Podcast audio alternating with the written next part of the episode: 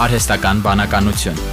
ռոբոտներ, նորագույն տեխնոլոգիաներ, նորարարական լուծումներ։ IT շփաթ իմ ռադիոյի եթերում։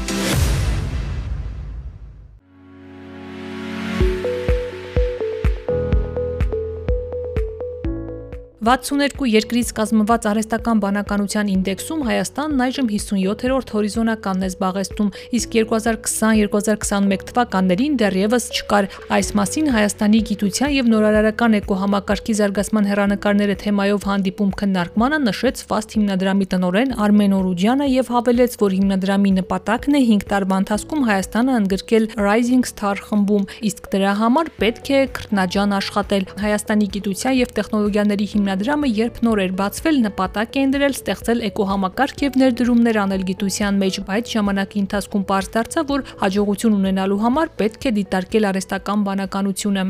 մարդկանց որ հարցնում ենք կրթությունը կարևոր է, բոլորը ասում են այո։ Որ ասում ես ինչի համար ու կապում է, ոչ մեկ չի կարող այդ հասցին հստակ պատասխանել, բայց ամեն ինչի fundamental բանը կրթությունն է։ Եթե կրթությունը չես կարող ապահովես, commercialization ո՞նց ես անելու, եթե չունենաս այն կրթված համակարգը, որ քեզ պետք է տա, կարողանան իրանք առաջինը հասկանան, թե ինչա գիտությունը, այդ գիտությունից վերցնեն ինչ-որ մի բան սարքեն, որ այսօրվա դրությամբ մենք բոլորս օգտվենք կամ ոնց են կարողանալու գիտությունը զարգացնել, եթե չունենանք այդ մարդը։ Հասկանում եք, այս առաջի քայլն է, երկրորդ քայլն է, երրորդ քայլն է, դրանից հետո նոր կարանք ուրիշ բաների մասին խոսել։ Չնայած մենք մեր հիմնադրամը ստեղ գիտության եւ տեխնոլոգիայի է, բայց մեր հիմնական ֆոկուսը սա կրթության վրա է, որ մարդ չկա, որ կարողանաս ինչ-որ գիտությունով վերես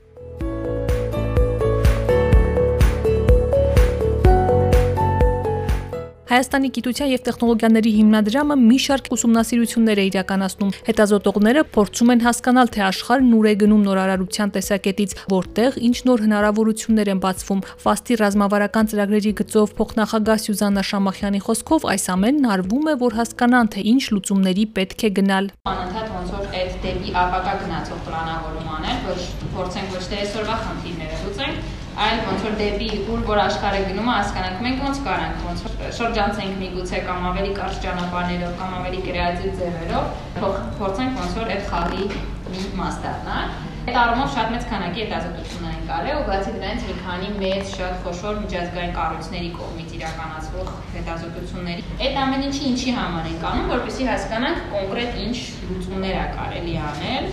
ու լավագույն փորձը նաև բերել դեպի Հայաստան։ Այդ առումով շատ տարբեր քանակի ծրագրերի կոնցեպտներ ենք մշակել 50-ից ավել, որ փորձենք հասկանանք ինչ ծրագրեր է կարելի իրականացնել, որոշներ սկսել ենք պիլոտավորել կամ հենց մշակման ընթացքում զգացել ենք, որ չէ, այս Հայաստանի հետ կապված չի աշխատի, պետք է ուրիշ ձև էս խնդրին մոտենանք, որտեղ կարող է շիրում աշխատեց, բայց դեռ չի աշխատի։ Այդ իտերացիաների արդյունքում 31 ծրագիր է իրականացվել, որոնցից մոտ 10-ը այս պայդությամբ նաև ընթացիկ են։ Ու այս ծրագրերի ընթացքում 6000 տարբեր շահառուներ